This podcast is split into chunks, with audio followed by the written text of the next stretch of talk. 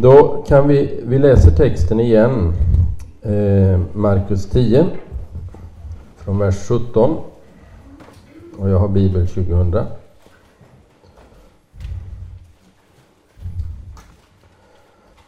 När han skulle fortsätta sin vandring sprang en man fram och föll på knä för honom och frågade Gode mästare, vad ska jag göra för att vinna evigt liv?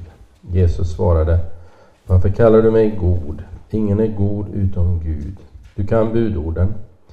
Du ska inte dräpa, du ska inte begå äktenskapsbrott, du ska inte stjäla, du ska inte vittna falskt, du ska inte ta ifrån någon det som är hans, visa aktning för din far och din mor.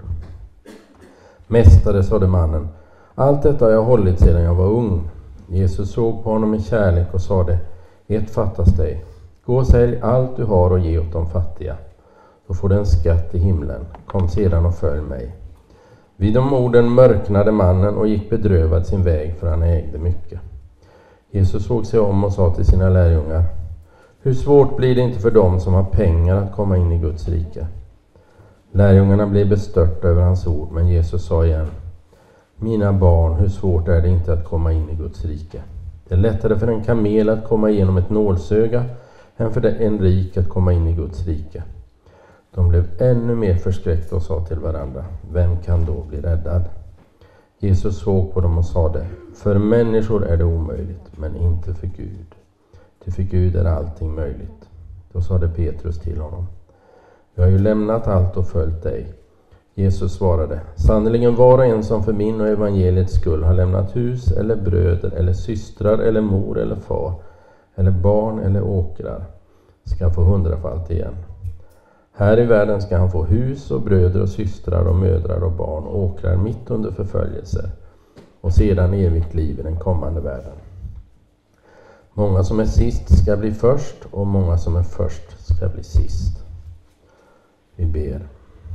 Herre, vi ber att ditt ord ska få ingång i vårt innersta och att det som vi kanske har hört många gånger ändå ska få liva upp vårt innersta därför att ditt ord har en sån kraft. Kom du helige Ande och möt oss var och en. I Jesu namn. Amen. Ja, för människor är det omöjligt men inte för Gud. Och eh, en del har ju velat utlägga det så här att den här nålsögat skulle vara en port i Jerusalem som man skulle kunna tränga sig igenom. Men hela liknelsens poäng är just att det är omöjligt att ta sig in utan eh, ett under från Gud. Och därför är det säkert så att det syftar på en nål och det är ju en väldigt drastisk liknelse, en kamel genom ett nålsöga. Ska jag bara fråga, det låter lite puff-puff va?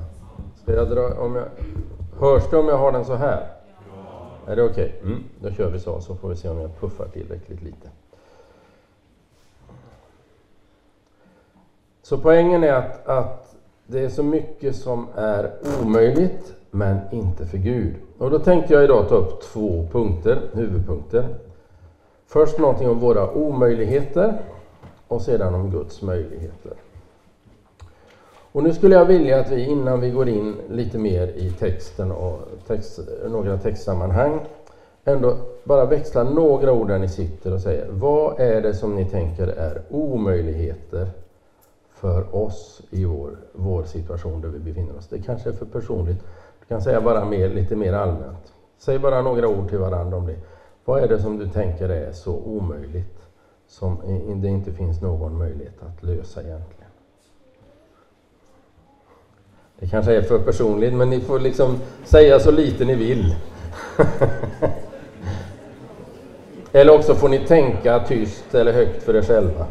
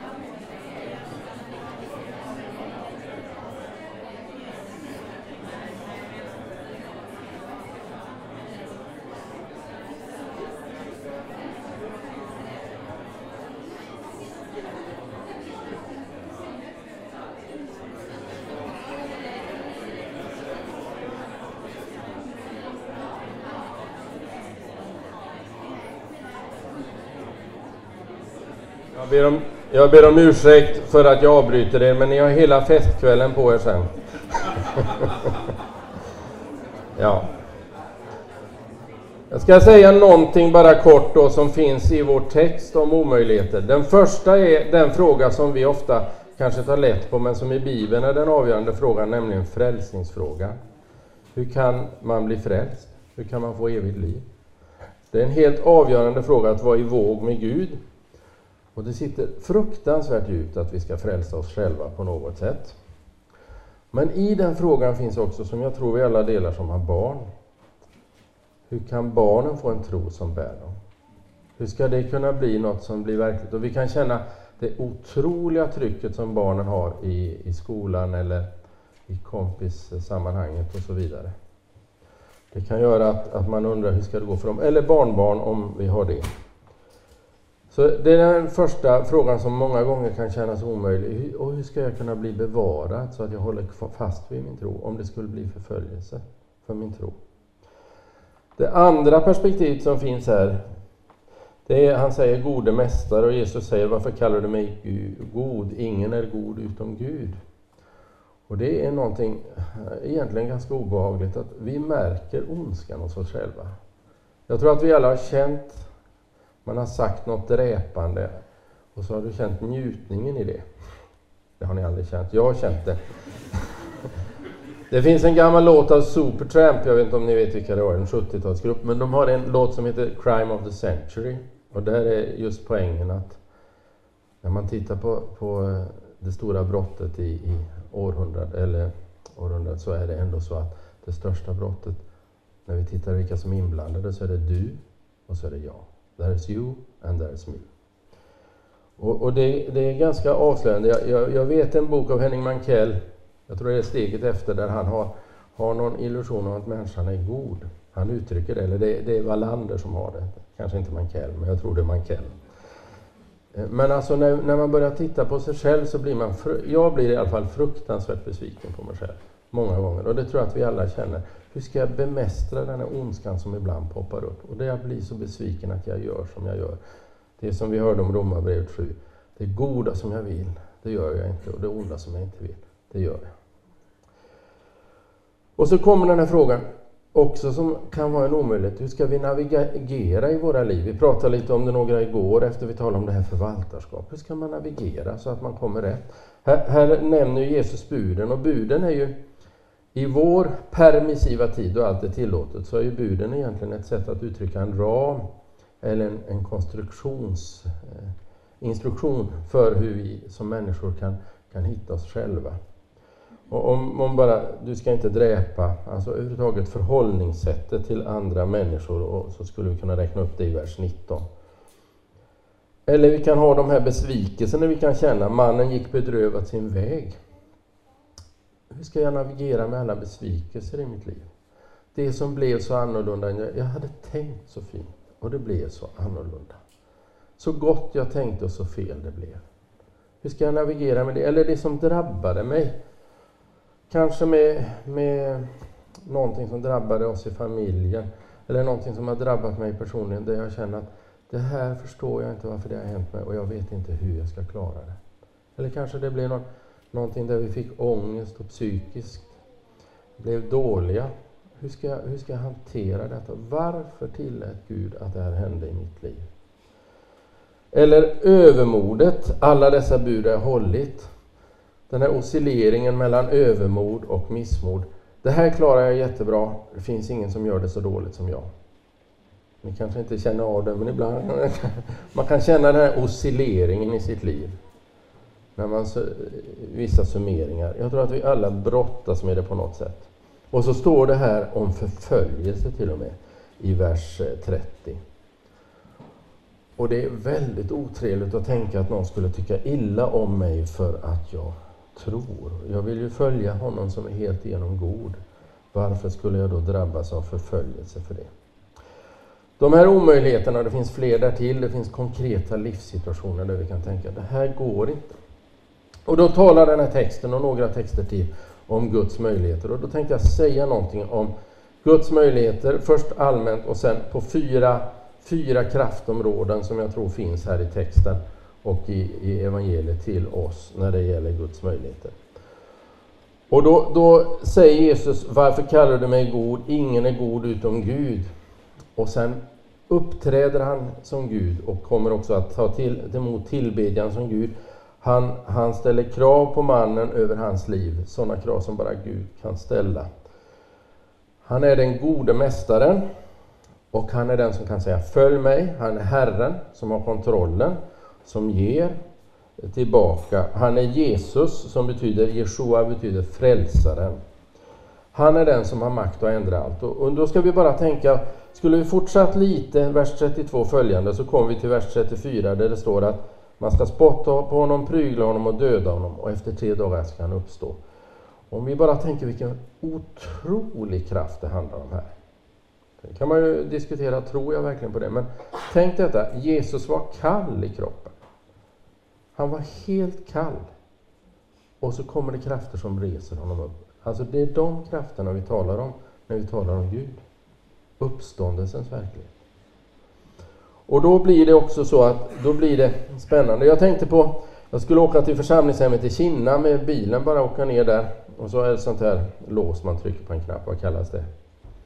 Kodlås eller? När man, ja, men man, det är bara någon signal och så, och så låser den sig.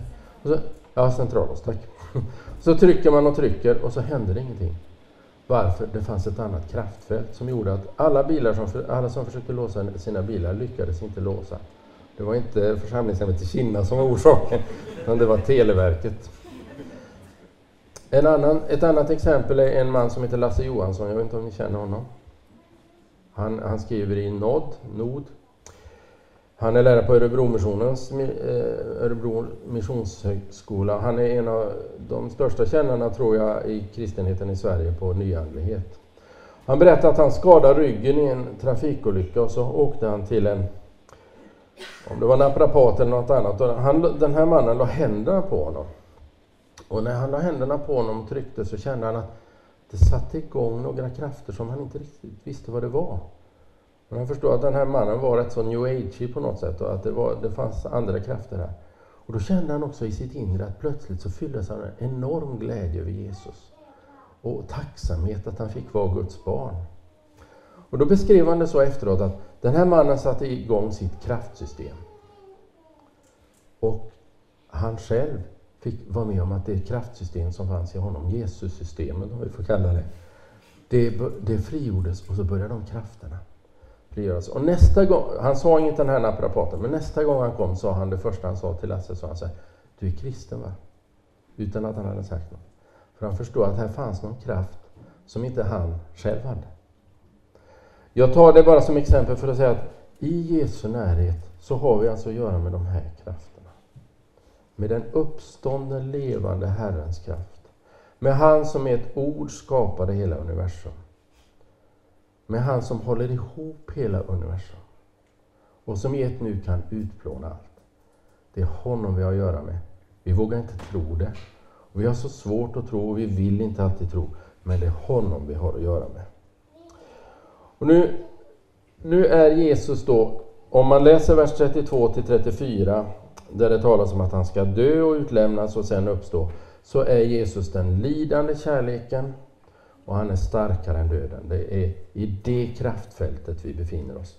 Och då kommer det att vara fyra olika perspektiv här som jag vill lyfta fram. Som finns. Och det första jag vill lyfta fram då som finns i detta med Guds kraftfält, det är att korset har en alldeles speciell kraft. Och då menar jag inte magiskt, utan det som korsets verklighet står för. Titta i vers 17, jag nämnde det igår och Leif var inne på det redan första kvällen, när han skulle fortsätta sin vandring. Detta fantastiska, att Jesus går en trogen vandring till Jerusalem. Han gör det bara av en anledning, nämligen av kärlek till oss, för att vi ska få del av det eviga livet. Och då vill jag att vi ska gå till första Korintierbrevets första kapitel. Och då ska ni tänka här att då kommer Paulus till Korint och där talar många visa lärare och smarta människor och filosofer. Och så säger Paulus att det han har velat tala om och det som där kraften finns, det är inte att han ska vara så smart, utan han säger i vers 18 Och vi ska se i andra kapitlet också. Så står det så här. Talet om korset är en dårskap för dem som går förlorade. Men för oss som räddas är det en Guds dynamit, Guds kraft, dynamit på grekiska. Och går vi till andra kapitlet så kan ni tänka, då kommer han där till Korint och där sitter så många som har disputerat och professorer. Vi, vi bara leker med tanken. Och så ska han, lille Paulus, tala. Han var för övrigt tydligen ganska kort och oansenlig till det yttre. När jag kom till er bröder var det inte med förkrossande vältalighet och vishet jag förkunnade Guds hemlighet för er. Det enda jag ville veta av när jag var hos er, det var Jesus Kristus, den korsfäste Kristus. Jag var svag och rädd och full av ängslan när jag uppträdde inför er. Mitt tal och min förkunnelse övertygade inte med vishet, utan bevisade med ande och kraft. Er tro skulle inte vila på mänsklig vishet, utan på Guds kraft. Alltså det som är den avgörande styrkan som finns i den kristna tron, det är Guds vänkors, det är korsets evangelium. Att det finns nåd för syndare, att det finns en ny början och att Gud är beredd att börja om med oss. Att allt börjar på nytt vid korset. Vi har hört detta så många gånger. Jag vet att eh, SUM 1900 kan det ha varit 85 som det var på Island? Är det någon av er som var där? Ja, du var där, ja. Bra. Då var det en... Det var 85, va? 84? 80? Ja, som 80, ja. Mm. Jag var inte där. Men en av våra korttidare... Så att, Vi behöver inte debattera det, men det... Det, det var 79 i Sundsvall kan jag upplysa. Okej, okay, vi lämnar det. Poängen är att då på Island så var det så att det var en, en, en eh, dansk som hette Leif Andersen. Han skulle tala om korset och det var en av korttidarna som berättade. Då sa han, där ser du det korset. Då ser du Jesus och så ser du två stycken rövare där. Och vad ser du då? För du ser ju Jesus som är rättfärdig och de andra är orättfärdiga. För de är rövare, men han har inte syndat. Så tar vi mikrofonen, sa han, och så skickar vi upp den några kilometer upp. Och så frågar vi Fadern, vad är det du ser? Och då säger, han, då säger Fadern så här, jag ser en rättfärdig. Och det är inte Jesus. För den rättfärdiga jag ser, det är rövaren som har bett om förlåtelse, medan Jesus bär alla världens synder. Och det är det perspektivet som finns i korset. Att jag med alla mina fel och brister, precis som jag som har den förmånen som präst att jag får ta på mig alban, när jag täcker över mig den varje gång så tänker jag, tänk att jag får börja om. Att jag får vara präst eller kristen med alla mina fel och brister att täckas över av Jesu förlåtelse. Jag brukar kalla dopklänningen för Jesu förlåtelsekläder. Det är ju ändå att Gud börjar om med oss och den är lång, ni vet dopklänningen, för att man ska behöva få, kan få en resetknapp varje dag hela livet när man växer upp och när man skrumpnar ihop. Det finns en ny start och det är det korset handlar om. Det är fantastiskt och underbart att vi får hålla oss till det. Och då finns det en särskild kraft i det. Vi som har lyssnat på Bill Hybels i Willow Creek, han berättar ju i sin bok om kyrkan som rev murarna mot världen. Jag vet inte om den finns på bokbordet, men det kan den göra. Jag tror jag har sett den där. Den handlar om hur Willow Creek församling växte fram och då berättar han om en ungdomsgrupp och vännerna där. Ungdomarna bjöd med sina vänner och då skulle han tala till de här ungdomarna och då, då brottades han så mycket med hur ska jag nu tala så att jag når fram till dem? Så när han hade bett och funderat kom han fram jag ska predika det enkla evangeliet om korset. Det var det han gjorde och ganska många av de här ungdomarna kom till tro. Jag tror att det finns en stor hemlighet i det. Att få vara klar över det. Att kraften som vi har, som vi lätt negligerar, den finns i korsets evangelium. Det är där nystarten finns. Det är alltså så revolutionerande, chockerande att Gud har valt att själv bära världens synd för att du och jag ska få plats hos honom. Alltså otroligt. Och det gör att jag kan få vara glad med alla mina fel och brister. Mitt i det, för att jag tillhör Herren Jesus Kristus. Och han ser mig Jesus ren och rättfärdig. Men det är inte bara så. Just för att det är så, så kan, jag också, så kan man också vara ganska eh, prestigelös. Och det finns en, det fanns en präst i Västsverige som fick vara med om förnyelsen i västra Sverige. Han bodde i en mindre landsortsförsamling, men han hade gått på ganska hårt på ett eh, ganska, som han själv tyckte, okänsligt sätt när han predikade. Så var det så att han, han hade ett bröllop.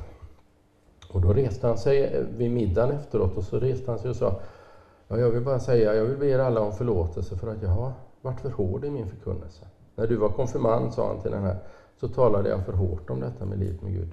Och jag upptäckte att Gud älskar oss mycket mer än jag någonsin hade kunnat drömma om. Det är oerhört starkt att kunna erkänna sina fel och säga det så som han gjorde. Det är ett tecken på att Gud har gjort någonting, att man har lärt sig något av korsets hemlighet. Och det är därför vi också kan försonas med varann. Och därför ska vi vara måna om det, att vi försonas med varann. Det kan vi göra i korsets ljus eftersom Gud har förlåtit oss så mycket. Och Det här finns utlagt av Jesus i Matteus 18, 23-35. Om ni vet den här, han som var skyldig 60 miljoner till sin eh, husbonde och så hade han en kompis, han var skyldig 100 denarer. Och så efterskänks de 60 miljonerna men han vill ha ut de 100 denarerna. Och så Jesu poäng är ju att har vi fått så mycket förlåtet då ska vi också vara beredda att förlåta de små saker det är som andra har gjort mot oss. Det är stora saker andra har gjort mot oss. De kan ha sårat oss väldigt mycket. Men om vi ser det ur Guds perspektiv och hans enorma förlåtelse, då kan vi börja se med barmhärtighet på varandra. Men det kan aldrig börja någon annanstans än vid korset. Jag kan inte med den människan och det hon har gjort för mig, mot mig. När det börjar där, då kan också vårt hjärta tina upp mot andra. Djävulen han anklagar oss och säger att du får inte vara en kristen och då får vi hålla fast vid korset. Vid att Jesus har gått vägen dit upp för vår skull och att det finns en frälsning. Det är den ena sidan i korsets hemlighet, det är evangeliet som vi får leva av. Men det finns en annan sida och det är lidandet. Att vi också får bära ett kors. Ehm, när vi gifte oss, så, så Bodil och jag, så höll min pappa ett tal till oss. Eh, det var han som vigde oss. Och då, och då hade han som tema på det talet den korsmärkta kärleken. Och mamma var nästan arg på honom för att han talade om det. Och jag kan säga, men, men det var närmast profetiskt. Tänk så mycket svårt som vi har fått möta i vårt liv. Och tänk så mycket vi har fått se av Guds barmhärtighet mitt i det. Och så tror jag det är med att vara en kristen, att få vara korsmärkt på något sätt. Vi kanske blir oförskyllt drabbade, vi kanske blir förföljda för vår tro. Vi kanske får göra försakelser som det talas om här i vers 27-31. Man får offra vissa saker för att man följer Jesus. Lidandet är väldigt olika för oss. Det som någon lider av, det lider inte andra av. Någon kan tycka det är förskräckligt att gå på sjukhus och någon kan tycka att det är ingenting. Och någon kan tycka att eh, stå upp och tala offentligt är ingenting och någon tycker att det är ett lidande utan dess like. Någon kan drabbas av mycket svår ångest och andra känner nästan ingenting. Och så, så är det så lätt för oss att vi bara ser vår lilla värld och så uttalar vi så enkelt om varandra. Men var och en har sin börda och vi kan inte vara för snabba med att säga någonting om andra. Vi kan tänka, ingen förstår mig, jag är ensam. Vi kan känna, drabbas av sjukdom och sorg och lidande, död, det oförklarliga, skilsmässa eller arbetslöshet eller något annat som vi egentligen aldrig har, kanske får något riktigt svar på. Men det som evangeliet säger, och nu kan jag inte säga detta enkelt och jag hoppas inte jag gör det, det är att Jesus har varit där för oss. Vad vi än drabbas av. Om vi drabbas av att vi kämpar med att ingen förstår mig, så vet Jesus precis det, för han har varit där för oss. Om vi drabbas av ångest så att vi inte vet om vi klarar nästa minut, så har Jesus varit där. Min Gud, min Gud, varför har du övergivit mig? Jesus vet allt detta och det är otroligt starkt egentligen. Även om det inte tröstar just, just då, så vet Jesus det. Han har varit där innan. Och han är inte bara där innan, han är där mitt i det. Nu talar Bibeln om lidandet och jag vill bara lyfta fram några ställen om att när lidandet drabbar oss så är det någonting som Gud använder. Vi ser det inte just då. Just då kanske det bara blir ett rop mot Gud. Men på ett, i ett långt perspektiv så kan Gud använda lidandet för sitt eh, rike. Det kan vara obegripligt. Vi kan titta på ett par ställen. Om vi tittar, tittar på Romarbrevet 5.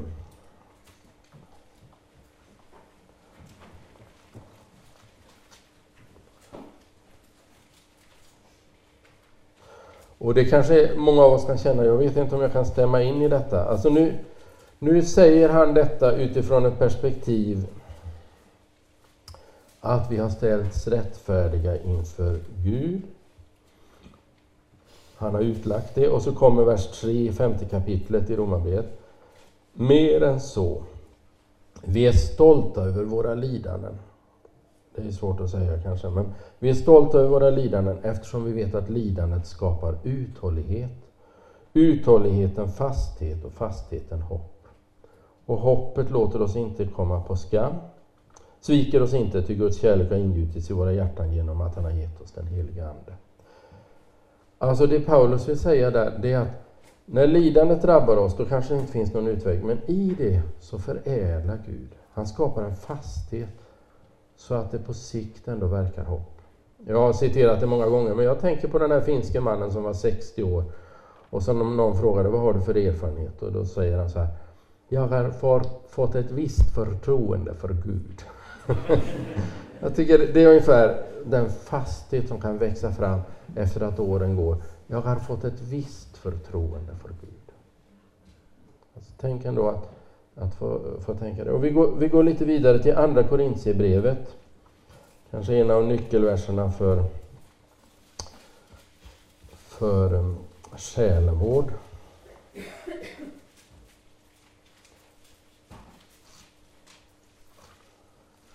Första kapitlet. Och vers 3. Nu har jag läst detta, men jag vill bara påminna om det. De här verserna, för jag tycker de är de talar om detta på ett rikt sätt. Välsignad är vår Herre Jesu Kristi Gud och Fader, barmhärtighetens Fader. Bara smaka på det. Barmhärtighetens Fader.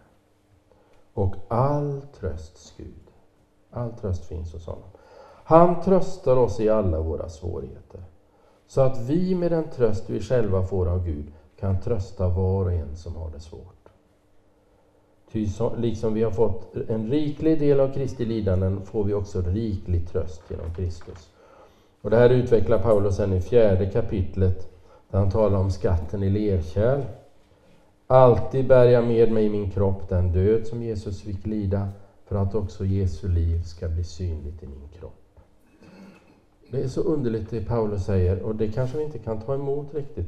Men det är att jag minns att när jag gick eh, det som kallas prakten, då hade vi en lärare i själavård, han sa så här. Du kan aldrig trösta om du inte först har blivit tröstad själv. Du kan aldrig själavårda människor om du inte själv har delat lidandet med dem. Och därför tror jag att vi som följer Jesus ibland kan få lida mer för att vi ska kunna ge tröst till andra. Och det står han som tröstar oss i all vår nöd så att vi genom den tröst vi själva får av Gud kan trösta var och en som har det svårt. Det är någon hemlighet där. Det finns en bok av eh, Risto Santala heter den. Den heter Lerkärlet tror jag. Den finns inte längre att köpa. Finns på bokbörsen.se om ni vill leta upp den. Men då berättar han, eh, han talar om lidandet. Och så berättar han om en krukmakare och någon som gick in i en krukmakaraffär och hittade en massa fina krukor. Så längst in i mörkret så, så, ser han några krukor där inne som ser väldigt fina och så frågar han vad är det för krukor? Och då säger krukmakaren de bästa krukorna de får stå i mörkret lite längre än de andra. Och kanske finns det någonting i det att när vi får lida så är det, även om vi inte kan se det just då, så vill Gud låta något av sin härlighet uppenbaras.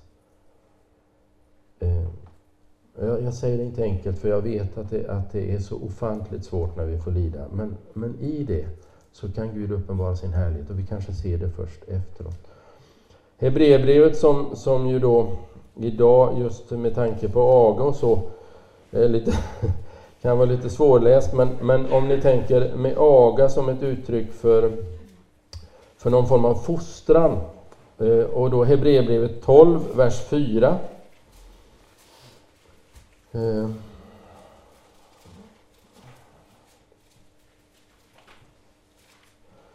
Eh. Alltså där poängen är, eh, ännu har ni inte behövt sätta livet på spel i er kamp mot synden och ni har glömt den uppmaning som riktas till er som till söner. Min son var tacksam för Herrens tuktan och förlora inte modet när han straffar dig. Ty den Herren älskar den tuktar han och han agar var son som han är kär. Därför att fostras ni får lida. Gud behandlar er som söner, som barn. Alltså, eh, om vi tar bort ordet aga med all, alla konnotationer som finns i det, så låt oss bara liksom tänka, det handlar om fostran, att Gud vill liksom få fram något fint. Vi kanske inte kan ta emot det just nu, men ändå i det vill Gud göra något stort i, i vårt liv. Så jag ger ett ställe till om man blir förföljd. Så tycker jag det är ett märkligt ställe i första Petrus 4. Första Petrus brev, det fjärde kapitlet. Bara ge det som en, en liten hälsning också. När vi drabbas av svårigheter. Fjärde kapitlet, vers 14. Då står det så här. Det gäller oss, det gäller våra barn, det gäller ungdomarna. Det gäller när någon bara så att säga ser föraktfullt eller tyst bara går förbi oss därför att vi har en tro. Då står det så här. Saliga är ni om ni skymfas för Kristi namns skull, ty härlighetens ande, Guds ande vilar över er. Det är alltså så att över oss vilar då Guds ande. Nu hoppas jag inte jag har talat för lättsinnigt om detta, utan jag, jag, jag vill bara säga att jag tror att Gud använder lidandet mitt i att det är inte enkelt med lidandet, men Gud använder det för vår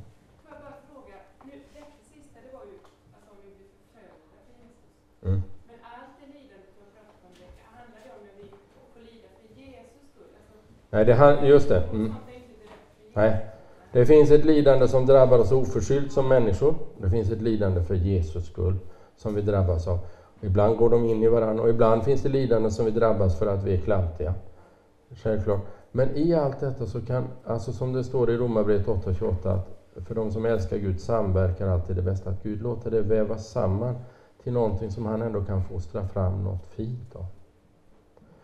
Men alltså, jag talar dels om det lidande som drabbar oss som människor, både som kristna och som människor, och dels om det lidande som drabbar oss som förföljelse för, att, för vår tros skull.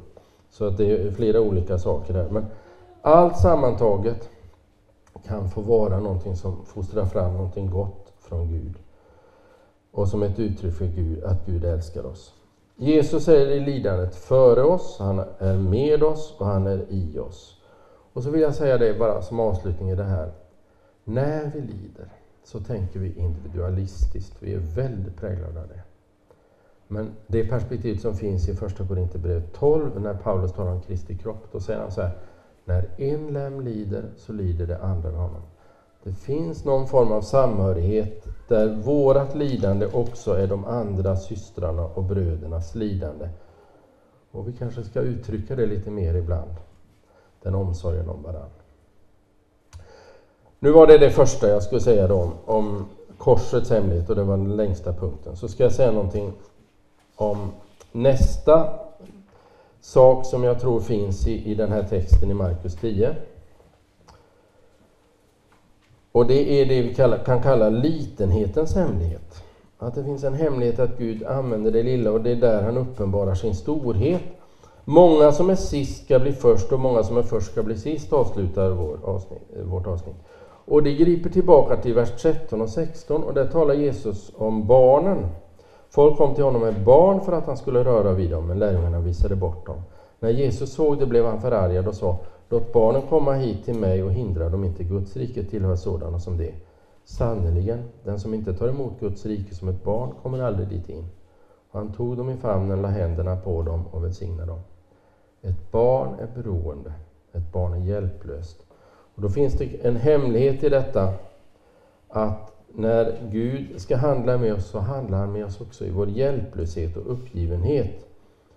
Och att på något sätt så, så kan Guds härlighet uppenbaras i det lilla och svaga. En liten aftonbön med barnen. Det går knappt att samla dem efter tv-programmen. Och så mitt i det kan Guds rike landa. Det blir ett litet sånt här moment av Guds närvaro. Eller, jag vet inte hur jag ska orka just detta och på något underligt sätt så erfar vi, åtminstone i efterhand, att vi fick kraft från Gud Ehm, jag tänkte faktiskt att vi skulle bara se på en, en text, bara väldigt snabbt påminna om den. Om ni går till Gamla Testamentet. Jag tänker inte ha någon lång utläggning om den, utan jag vill bara påminna om den, för den, den är ju faktiskt jag tror att Max Lucado har skrivit en bok om detta, jag vet inte om den är översatt på svenska, eh, om eh, Första Samuelsboken 17.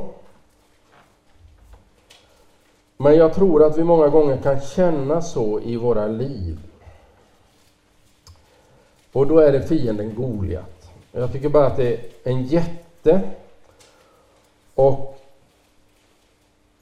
alltså, om vi bara låter Goliat vara en bild för våra omöjligheter så jag bara läser några verser hur, hur Goliat är och så kan ni fundera om vi känner igen oss i det. Eh, då står det i 17, vers 4 i Första Samuelsboken. Ur filisternas led steg då fram en tvekampskämpe som heter Goliat från Gat. Han var tre meter lång och han bar en hjälm av brons och en harnesk med bronsfjäll som vägde omkring 60 kilo. Han hade benskenor av brons och bronssabel i rem över axeln. Skaftet på hans spjut var tjockt som en vävbom och spetsen som var av järn vägde över sju kilo. Framför honom gick hans sköldbärare. Jag kan tänka mig att vi har ganska många Goliat i vår vardag som vi ser framför oss. Och då står det Goliat gjorde halt och ropade bort mot de israelitiska leden. Varför ställer ni upp till strid? Jag är filisternas man och ni Sauls tjänare. Utse någon på er sida som får komma ner till mig. Om han är stark nog att kämpa mot mig och döda mig så blir vi era slavar. Men om jag vinner och dödar honom då blir ni våra slavar och tjänar oss. Och så fortsatte han, han går ut och brölar och ropar och hånar dem.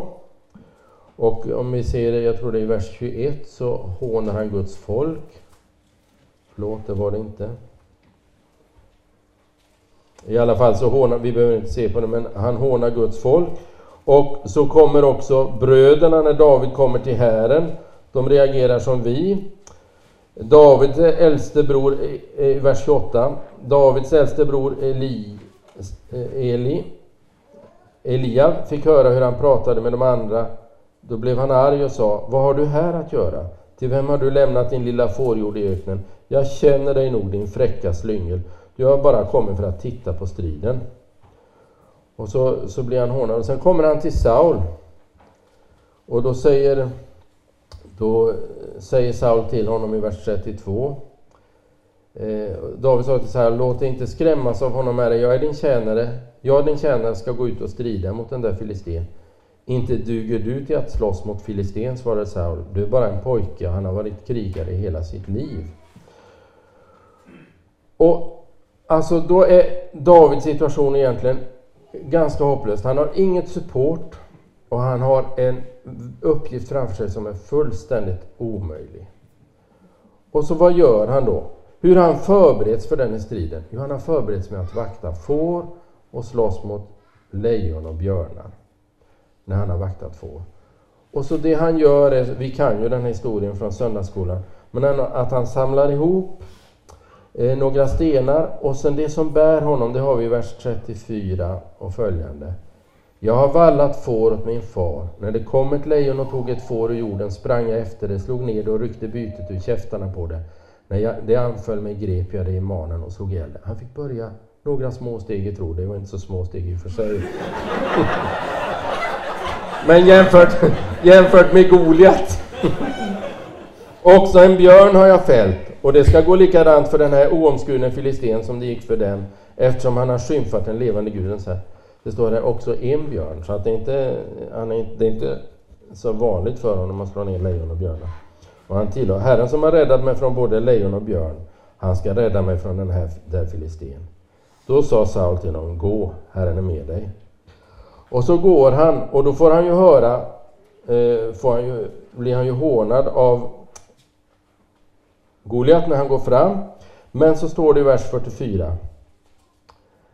Då säger Goliat, kom hit ropade han, så ska jag ge din kropp åt himlens fåglar och markens ljus. David svarade, du kommer emot mig med svärd och spjut och sabel. Jag går emot dig i Herren Sebots namn. Han som är Israels herrars Gud och som du har smädat. Idag ska Herren utlämna dig åt mig. Jag ska fälla dig till marken och hugga huvudet av dig. Idag ska jag ge ditt lik och de filisteiska soldaternas lik åt himlens fåglar och markens vilda djur. Så ska hela världen förstå att Israel har en Gud. Och alla här ska inse att det inte är med svärd och spjut som Herren ger seger. Han råder över kriget och han har gett er i vårt våld. Och så springer han emot honom i Herrens namn. Och han tog en sten, vers 49, och så slungar han den och det träffar, träffar honom på en, en glipa i rustningen och så faller han. Och nu är det här nästan som en saga för oss. Och ändå så säger det någonting djupt verkligt. Det som skedde då med den bjässan, de bjässarna möter vi i vår vardag.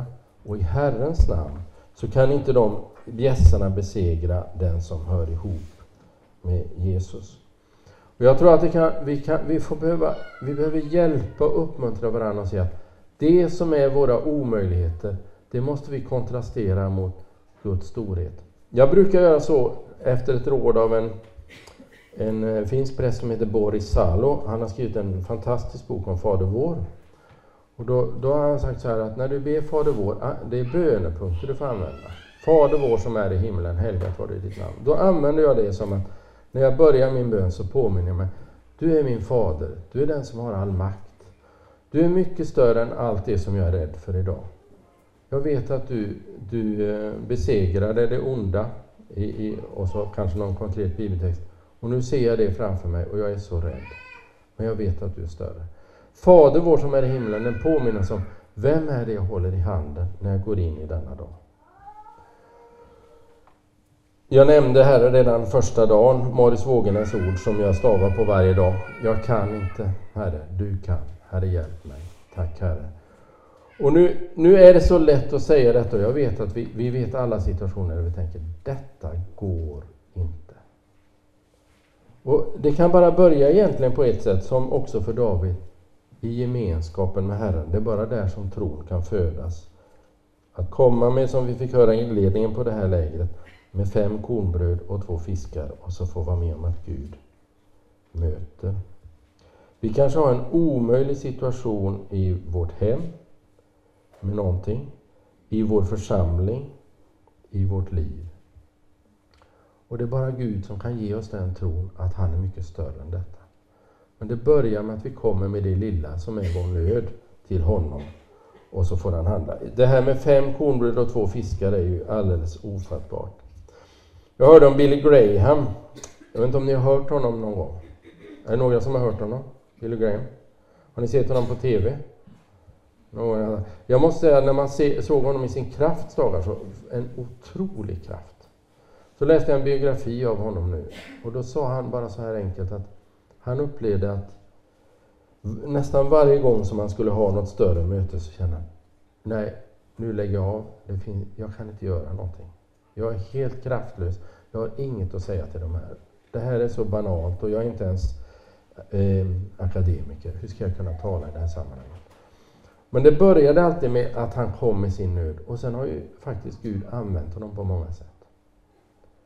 Och jag tror att det är någonting som vi kan också få ta med oss. Men jag säger det inte lättsinnigt utan det måste Gud sjunka ner, låta sjunka ner i vårt hjärta. För man kan inte säga det lättsinnigt. Det är inte bara att rusa fram, utan den tron kan bara Gud lägga i vårt hjärta.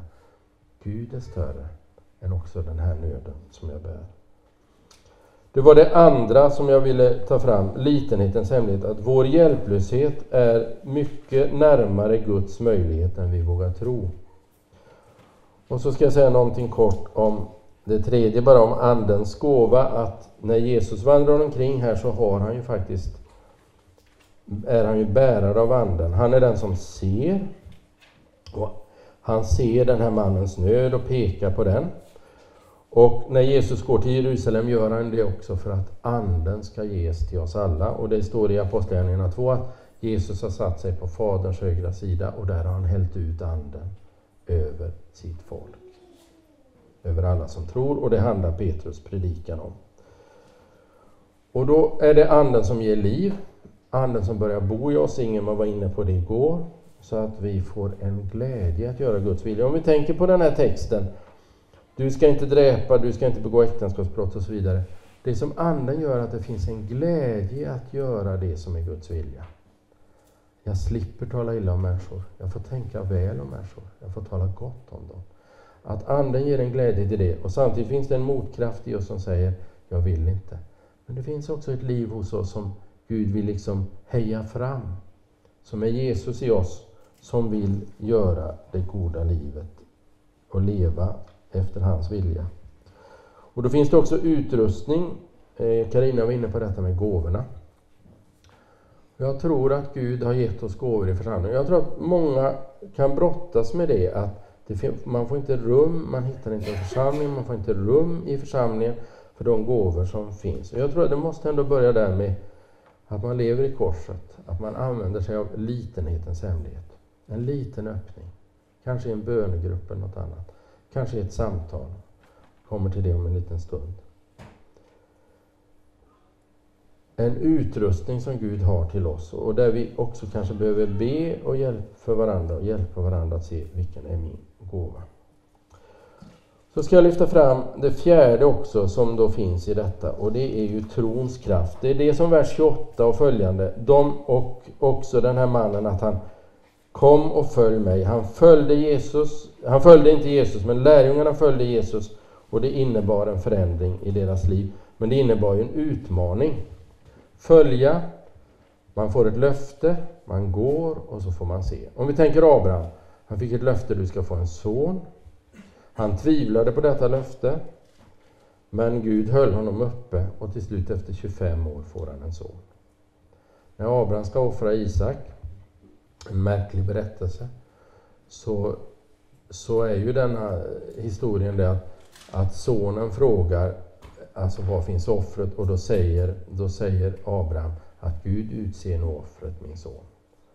Och en del utläggare säger att i det finns en tro hos Abraham att Gud har makt. Hebreerbrevet säger också att, Abraham trodde att Gud hade makt att uppväcka från de döda om det skulle vara så. Abraham kunde vila i att Gud har han fått ett totalt förtroende för. Han lyssnar på hans löfte och så går han. Och så får han se.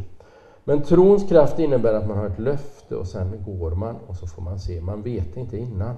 Man har bara fått en hälsning. Men tron är inte något i det blå utan den förankras, den väcks av att man lyssnar till, till att Gud talar till oss. I sitt ord framför allt. Om vi tar Moses som exempel så fick han ju en maning från Gud att han skulle gå till Egypten där han hade mördat en person och där han var efterlyst. Så går han ändå dit och då får han ett löfte av Gud att, att han ska få få ett redskap där. Och när han är på väg dit sänder Gud en hälsning. Han sänder Aron till möte. Och då, då kan man tänka så att, att Gud låter löftet först komma till oss. Vi får gå och så får vi se. Det här kan användas på fel sätt, men jag tror rätt förankrat i, i bibelordet och i, i en levande gemenskap med Gud så kan det här bli någonting som kan få fungera på ett fint sätt. För David var det så att han var ju kung, han hade ett löfte att han skulle bli kung och Saul förföljde honom. Och då gjorde David så att han, han gjorde inte uppror, han fick ju dåligt samvete när han skar av fliken på, på, på Sauls mantel. Och varför fick han dåligt samvete för det? Jo, för han tänkte, det är Gud som ska göra mig till kung. Det är inte jag som ska bygga mitt rike, utan Gud ska bygga ett rike åt mig. Alltså han överlämnade sin sak till Gud och räknade med att han skulle kunna ta hand om det. Och nu tänker jag så här att vi har olika saker där man får gå i tro. Och att gå i tro det är att ändå lita på att det Gud har sagt, det kommer han att göra. Och jag tänkte att vi ska föra ett enkelt exempel om församling. Hur man på ett enkelt sätt ändå kan få gå i tro och ändå hitta någon öppning i en situation. Jag tror att vi alla på olika sätt kan uppleva en svårighet i det. Jag har bett om det Gunilla eller, eller Thomas säger någonting. Både och. Ja. Bra. Vi tar, vi tar fram.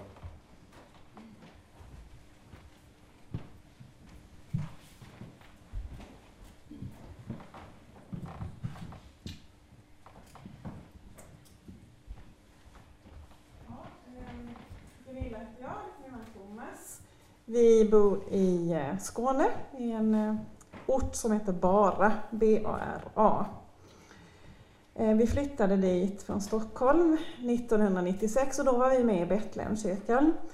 Och då sa Eskil Hoveberg till oss att när ni flyttar till Skåne så måste ni vara med i en församling, det är jätteviktigt. Så eh, jag tog honom på orden och så ringde jag till kommunisten i Värby församling, som det heter. Så sa jag hej, vi flyttar från Stockholm och vi vill jättegärna vara med i, i er församling. Och kan vi göra någonting eller får vi vara med? Och då fick jag svaret av eh, den kommunisten att eh, här har vi anställda. Så, så eh, ni, nej, alltså ni behöver inte komma, sa han. Ja, Okej, okay. så jag ja, blev ganska nedslagen av det. Eh, så det var eh, en liten händelse i, den, i det som blev någonting annat långt senare. Ja, långt senare då kommer vi till 2005, nio år senare. Och där under tiden har vi haft förmånen att vara med i en annan kyrkogemenskap. Eh, hösten 2005, Eh, nu kommer jag inte ihåg alla detaljer men eh, det var någonting som hände i, i kyrkan. Eh, det togs beslut om kyrklig välsignelse av eh, ingångna partnerskap då, har jag för mig att det hette. Eh, och eh, jag, jag reagerade starkt för eh, hur alla de eh, präster och andra som hade avvikande åsikter eller tankar i denna frågan, hur de blev behandlade. Den, den enorma dömande attityd som en del biskopar visade på gentemot den som inte då tyckte att det var helt i sin ordning. Eh, det skrevs mycket. Jag hamnade in på en hemsida, Yngve Kamlin, och där såg jag ett namn på en annan kommunister som visade sig finnas i den här församlingen där vi bor. Och då tänkte jag att jag ringer till honom och så uttrycker jag min ledsenhet och vånda och så beställer jag eh, utträdesblankett ur Svenska kyrkan. Eh, det var fel person att prata med. Eh, han bekräftade min vånda och sa ja du får ju väldigt gärna gå ur Svenska kyrkan om du vill, absolut, men du ska veta att du behövs. Han ville att vi skulle träffas så vi bjöd hem honom, Gunilla och jag, och eh, fick ett gott möte där vi fick samtala om, om livet, tron, eh, visioner, drömmar. Och i det mötet så kände vi att eh, här, ja, vi, vi kände plötsligt, kanske inte så mycket nöd för oss själva, men för honom i det uppdraget han hade. Där vi såg att han i vissa avseenden var ensam och, och kämpande. Eh, vi eh, började be för en väckelse. Vi började be för att han skulle finna en glädje, en vila i, i sitt jobb, i sitt uppdrag, sitt kall. Att han skulle få många goda möten med människor. Och så bad vi för arbetsgemenskapen i församlingen. Eh, och vi kanske kände då att vårt uppdrag där, det blev liksom att stötta honom, för vi tyckte att han verkade så oerhört ensam i sin, i sin längtan och i sitt uppdrag. Men eh, så blev det nog så att eh, när vi bad för honom och, och, för hans tjänst, så blev det precis som att eh, eh nöden för honom och församlingen, det, det, blev som att det blev vår nöd för, för församlingen och för människorna som, som bor runt omkring oss. Och eh, så fortsatte vi att och, eh, och träffas och, och bad för eh, församlingen. Och eh, så var det Thomas och jag och Mats då, som han heter. Så vi var ju som en liten eh, grupp, liksom. vad skulle vi säga till barnen? Ja, vi har vår lilla grupp ikväll, fick vi säga på något sätt. För även om den var väldigt liten så var det ändå vi tre. Men så, eh, så fick Mats kontakt med en annan man som eh, blev intresserad av den här gruppen då. Så kom han med, en, det var förra våren som han kom. Och sen förra hösten så kom det någon till och sen fick Mats kontakt med någon annan och så kom det någon till och så kom det någon till.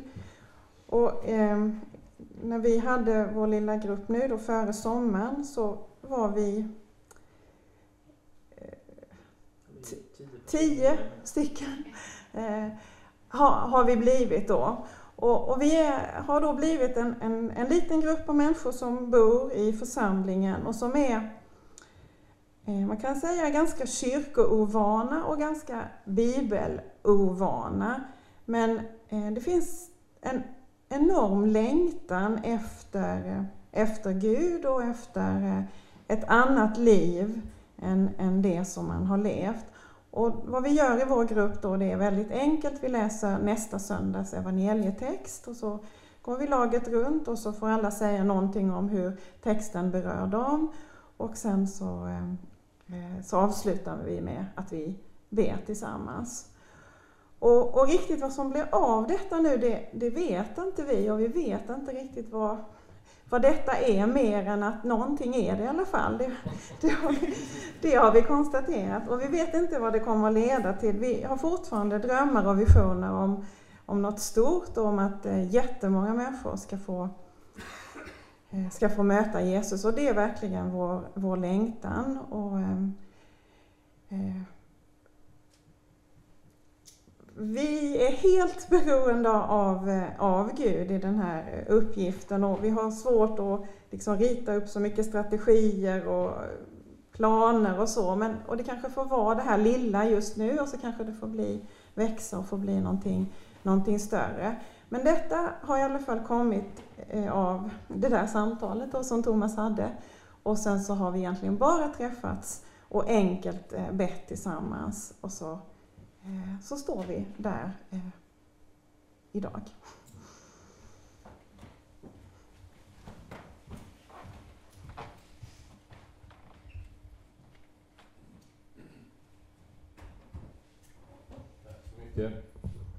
Se om den är på.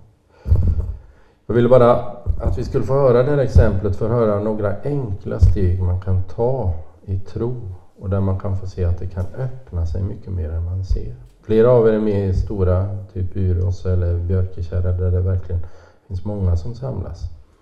Men just från den här upplevelsen som Gunilla hade och sen de här stegen ni fick ta och där ni har fått se att, att Gud har öppnat dörrar. Jag ville bara låta det få bli till en uppmuntran för oss att Gud kan öppna dörrar i en mindre gemenskap och kanske också in i gudstjänstgemenskapen som ni har fått vara med om, även om ni inte sa så mycket om det nu, men som, som ni har fått vara med om. Så jag vill uppmuntra oss till det, att, att vi kanske kan få ta några steg i tro och då ska vi låta den omöjlighet som finns i församlingen eller i de sammanhang och be om ett steg som vi kan ta. Och att vi ska ta det steget och så kan Gud öppna en dörr som vi inte trodde var möjlig. Många av er har varit med om det, säkert på många olika sätt. Men jag vill bara uppmuntra oss till det. Eh, jag tror också det innebär att när människor tar steg i tro så förändrar det samhället. Jesus, den rörelse som han startade, har förändrat hela västvärlden. Jag tänkte på, jag skulle bara ge er, eh, det fanns en liten klubb i, eh, vad kan det ha varit, 1700-1800-talet som samlades och bad tillsammans och som lyckades påverka väldigt mycket av det engelska samhället. Eh, och det var en liten bönegrupp från början med några, någon parlamentsledamot. Och de, på olika sätt så fick de ändå eh, erfara hur, hur eh, politiken förändrades, bland annat när det gällde slaveriet och, och eh, synen på barnarbete. Ett annat exempel som jag tyckte var lite mäktigt finns i den här Graham Cray, Disciples and Citizens. Inom parentes har Ulrika Krantz varit barnflicka åt Graham Crays barn. Vilket ju är väldigt väsentligt att säga i det här sammanhanget. Men då, då är det så att då berättar de, de har en stor ungdomskonferens varje sommar, heter Soul Survivor heter den. Och den var för några år sedan i Manchester. Och den är två veckor. Och då har de så att de har undervisning och lovsång och sen åker de ut och gör något praktiskt. Och då förberedde kyrkorna med att be i Manchester med att be för detta. Och så åkte de ut till de värsta områdena i Manchester och där de helt enkelt städade och gjorde i ordning de allmänna lekplatserna och allting så att det skulle bli fint. Och så åkte de dit varje dag och gjorde detta. Och efterhand, de kom ut då varje eftermiddag då, efterhand så kunde barnen skrika när de kom The Christians are coming, the Christians are coming. Och det som hände i de här områdena, det sa polischefen för Manchester, att brottsligheten i de här områdena gick ner till närmare noll. Det var väldigt hög brottslighet, men det gick ner till närmare noll under den här tiden. För det var människor som såg andra människor, som var med dem, som var beredda att satsa och som ville gott. De var goda samhällsmedborgare. Och vi hörde bara lite om det när det gällde kyrkovalet och vi, vi, vi förtvivlade över den stora politiseringen av kyrkan när det gäller Svenska kyrkan. Och då är det viktigt att det behövs människor som är engagerade, som lever kyrkans liv. Men det gäller också i samhället som helhet. Vi är Sveriges räddning. Den som tror är Sveriges räddning. Därför att vi är bärare av någonting som har med en människosyn som är alldeles fantastisk. Och som också kan göra att människor kan erfara respekt. Och där vi inte behöver ha löneförtjänst på allt som man gör för andra människor. Alltså här finns en hemlighet och det finns i historien så många exempel på hur, hur Gud har vänt historien genom människor som tror. Jag tänker på det här med slaveriet som faktiskt var kristna i England som spelade en enorm roll i det. Därför att det var troende politiker som ägnade sin kraft och lade det i Guds tjänst. Och då är vi som avslutning där i förvaltarskap. Gud har gett oss det vi har fått. Vi får lämna över allt till honom. Och när vi har lämnat över allt till honom så ger han tillbaka det till oss och så får vi förvalta det till Guds ära och till människors bästa. Och det är vi kallade till. Nu tänkte jag att vi ska avsluta här med att vi, vi blir stilla och så låter vi, ska jag nämna de här fyra punkterna och så låter vi det få vara någonting där vi nämner tyst i bönen för Gud. Det kanske är så att någon av oss ska ta något steg i tro där vi befinner oss. Kanske är det något som vi är förtvivlade över i vår hemmiljö där vi ber om en öppning. Då ska vi nämna det för Gud nu. Kanske känner vi oss så fruktansvärt små och då är det en hälsning att även Goliat kan besegras. Vi blir, vi blir alldeles stilla och så låter vi det bli tyst. Och sen ska vi avsluta med att sjunga psalm 38 tillsammans.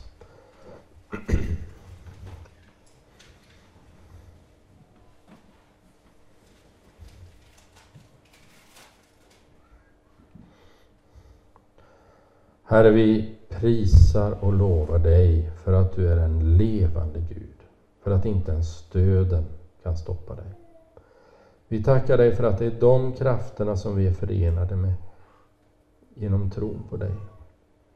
Vi tackar dig för korsets evangelium, att det finns plats för oss var och en hos dig.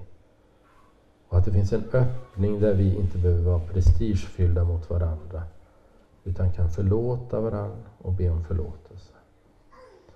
Nu lyfter vi upp inför dig de människor som vi har särskilt svårt inför, eller med.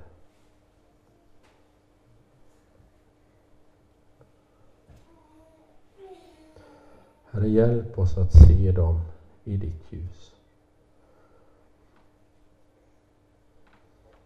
Så känner vi oss så små. Och nu nämner vi tyst inför dig det vi känner oss så små inför.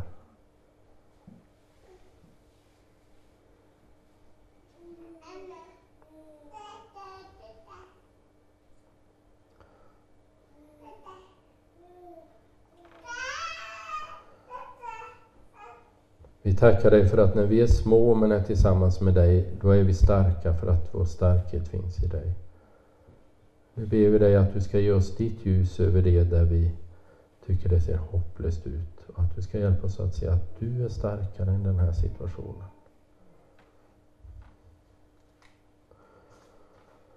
Så ber vi dig att du fyller oss med din Ande varje dag på nytt. Så att din Ande får fylla oss med liv från himmelen. Kom du heliga Ande till oss. Så tackar vi dig för att du skapar tron genom ditt ord i vårt hjärta. Och nu ber vi dig att du ska visa oss vilka steg vi ska ta i tro i den vardag som vi återvänder till.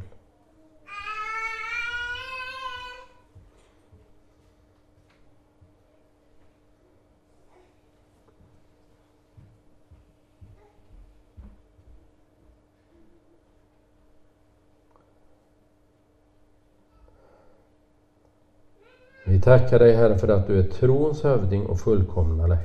Det innebär att det är du som öppnar dörrar, du som går före och du som bär oss. I Jesu namn. Amen.